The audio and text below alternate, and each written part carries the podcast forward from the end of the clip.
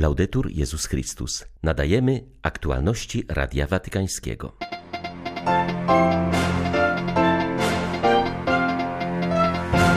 Młodzi ludzie to niespodzianki, młodzi są młodymi, podsumowywał papież Światowe Dni Młodzieży w samolocie powrotnym z Lizbony.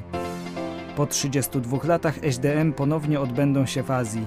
To wielka szansa dla nas wszystkich, mówi arcybiskup Seulu Peter Chung-sun Taik.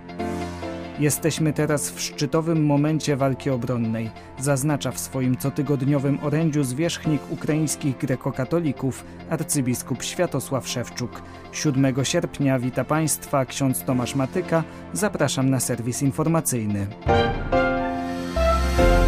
Młodzi to niespodzianki, młodzi są młodymi, mówił Franciszek podczas konferencji prasowej w samolocie powrotnym z Lizbony.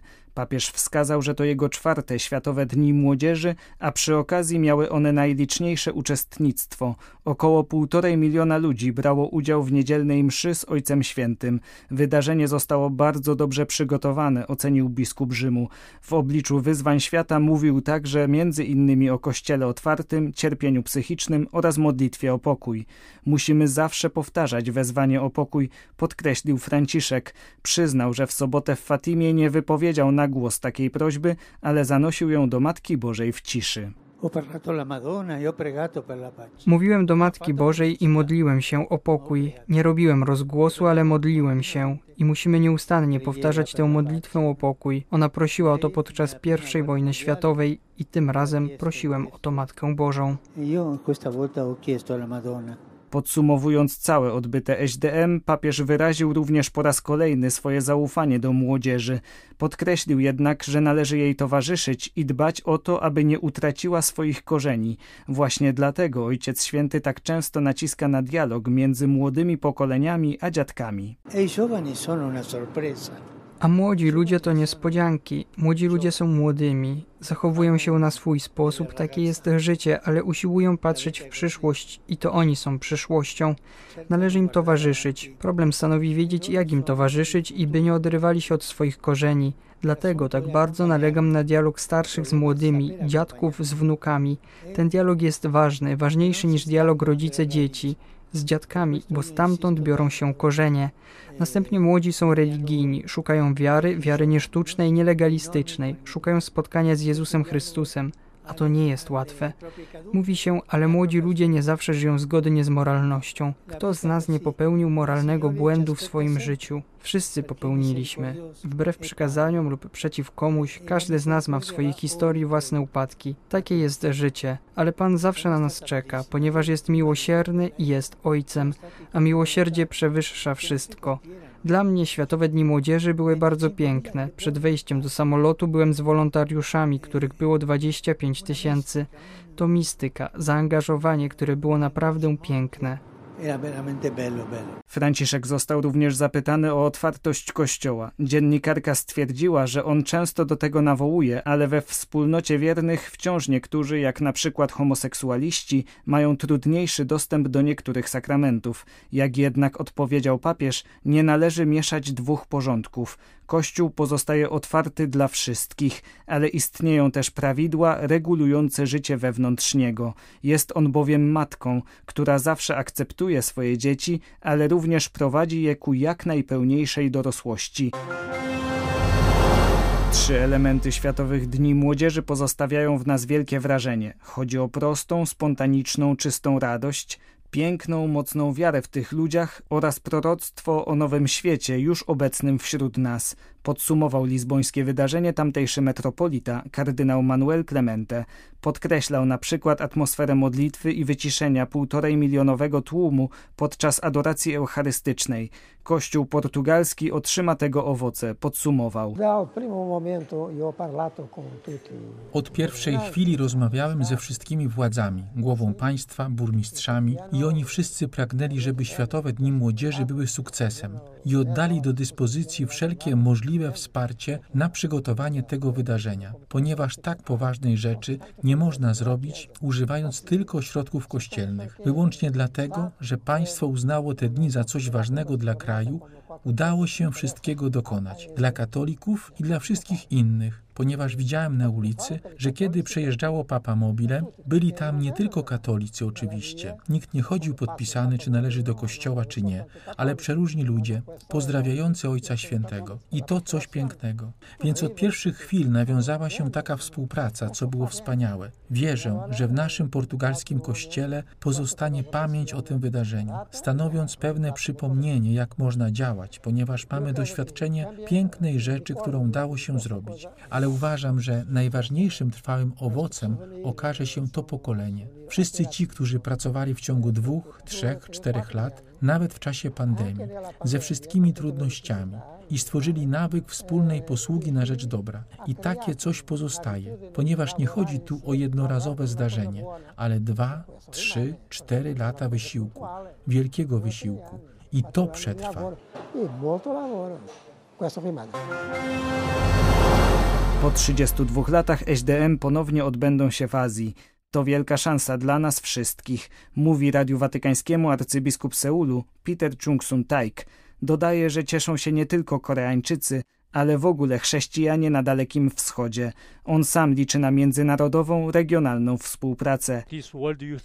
Światowe Dni Młodzieży mogą być dobrą okazją do rozwoju duszpasterstwa młodzieży w Korei. Po pandemii koronawirusa, która trwała prawie trzy lata, duszpasterstwo młodzieży w Korei stało się bardzo trudnym obszarem. Dlatego przygotowując kolejne Światowe Dni Młodzieży, chcielibyśmy ożywić duszpasterstwo młodych w Korei, zaprosić ich do reorganizacji tej części naszego kościoła. Oznacza to, że podczas przygotowań do tego międzynarodowego spotkania młodzi Koreańczycy staną się liderami w kościele i społeczeństwie. Podczas Światowych Dni Młodzieży w Lizbonie w 2023 roku widziałem wielu wolontariuszy. Pracowali bardzo ciężko i z pełnym zaangażowaniem. Byli nieocenioną pomocą przy organizacji tego wydarzenia. Dlatego również w Korei chcielibyśmy zaangażować w wolontariat wielu naszych rodaków, nie tylko młodych, ale w ogóle ludzi w każdym wieku. Chciałbym dodać, że te Światowe Dni Młodzieży to radość nie tylko dla Koreańczyków, ale i innych narodów azjatyckich. Tak więc my, koreański Kościół, episkopat, podzielimy się tą szansą i przedyskutujemy ją z innymi krajami. Chcielibyśmy również zaprosić je do współpracy z nami. Pragnę powiedzieć, że wszyscy młodzi są mile widziani i zaproszeni. Przyjdźcie i współpracując razem przygotujmy następne Światowe Dni Młodzieży. Let's prepare together for the next World Youth Day. Pytamy się dziś siebie, jak nie zmęczyć się obroną ludzkiego życia. Być może Europa i świat zadają sobie pytanie, jak nie zmęczyć się wojną na Ukrainie, mówi w swoim cotygodniowym orędziu arcybiskup Światosław Szewczuk. Jak wskazuje, niestety jesteśmy teraz w szczytowym momencie walki obronnej. Najeżdżający Rosjanie brutalnie atakują południe jego ojczyzny. Za pisarzem Antoinem de Saint-Exupéry hierarcha zaznacza więc, że należy wytrwać w miłości, bo to ona pozwala przejść przez trudności.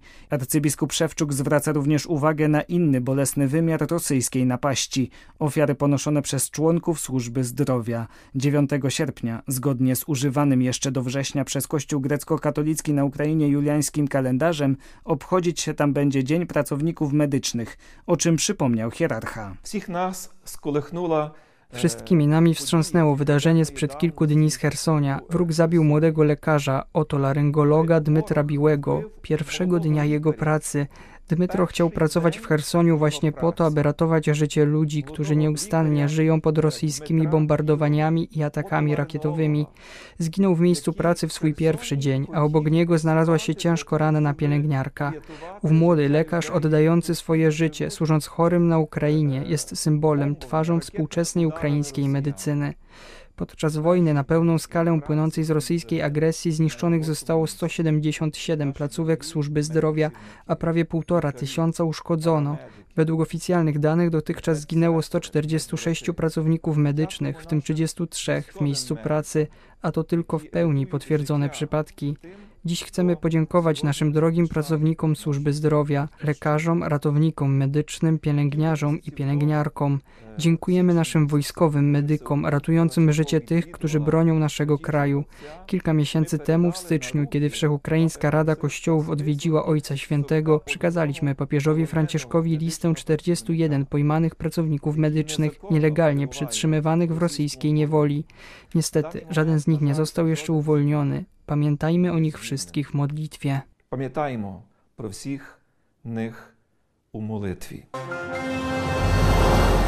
Biskupi apostolskiego Kościoła Ormiańskiego zwracają uwagę na tragiczną sytuację humanitarną w Górnym Karabachu, który został praktycznie odcięty od świata przez władze Azerbejdżanu. Brak tam podstawowych środków do życia i lekarstw. W najtrudniejszej sytuacji są osoby starsze, kobiety w ciąży i chorzy. W specjalnym komunikacie hierarchowie porównują tę sytuację do klasycznego wyrazu ludobójstwa. Ormianie stanowią 70% mieszkańców Górnego Karabachu, który jest samozwańczym państwem powiązanym z Armenią. Władze Azerbejdżanu od ponad 8 miesięcy blokują nawet dostawę żywności do tego regionu. Chcą w ten sposób zmusić Ormian do uległości i przyjęcia ich władzy oraz zamierzają wchłonąć sporne terytorium. Ofiarą ambicji politycznych padają zwyczajni ludzie. W tej sytuacji biskupi w specjalnym komunikacie apelują o pomoc międzynarodową piszą, że wraz z całkowitą blokadą władze Azerbejdżanu kontynuują działania terrorystyczne, które mają na celu wywołanie wśród ludności ciągłego strachu, beznadziei, poczucia niepewności i poczucia konieczności opuszczenia ojczyzny, czytamy w komunikacie ormiańskich biskupów. Wzywamy cały nasz święty Kościół wraz z przedstawicielami struktur narodowo-kościelnych do opisania niezwykle trudnej sytuacji powstałej w Górnym Karabachu w wyniku trwającej agresji Azerbejdżanu w kręgach państwowych, kościelnych, dyplomatycznych, publicznych i medialnych swoich krajów. Tajemnica Chrystusa w katechezach Jana Pawła II. Odkupiciel świata. Chrystus zapoczątkował, więcej urzeczywistnił Królestwo Boże przez to, że stał się Zbawicielem, czyli Odkupicielem świata. Trzeba było człowieka wyzwolić z tego zła, które człowieka odłącza od Boga, które niszczy w nim Królestwo Boże, a tym złem jest grzech w całym swoim wymiarze, poczynając od pierworodnego poprzez wszystkie grzechy osobiste każdego człowieka, poprzez grzechy społeczne, grzechy, które zalegają dzieje całej ludzkości. Chrystus jako Zbawiciel był powitany już przy narodzeniu. Chrystus wyzwala człowieka od grzechu przez to, że bierze na siebie grzech. Bierze na siebie grzech i składa ofiarę ze swojego życia na krzyżu dla odkupienia grzechu ludzkości. Przez to samo, przez tę ofiarę objawia do końca, kim jest Bóg. Mianowicie objawia, że Bóg jest miłością. Jest miłością, ponieważ nawet zło przeciwko Bogu skierowane, jakim jest grzech, nie uniemożliwia ze strony Boga spełnienia Jego zamierzeń, tego zamierzenia, jakim jest Królestwo Boże w dziejach ludzkości, w dziejach świata. I to jest ta główna prawda, którą my wyznajemy zawsze, kiedy odmawiamy wierzę w Boga, dla nas i dla naszego zbawienia stąpił z nieba. Żyjmy tą prawdą i starajmy się z tej prawdy budować nasze życie. Ona nam na każdym miejscu ukazuje, że zło, nawet największe w człowieku, może być przezwyciężone mocą tej miłości, jaka jest z Boga, jaka się objawiła w Chrystusie w Jego krzyżu. Niech ta prawda towarzyszy Waszemu życiu, pomaga Wam dźwigać się i nawet wśród wielkich trudności życiowych postępować naprzód. Były to aktualności Radia Watykańskiego. Laudetur Jezus Chrystus.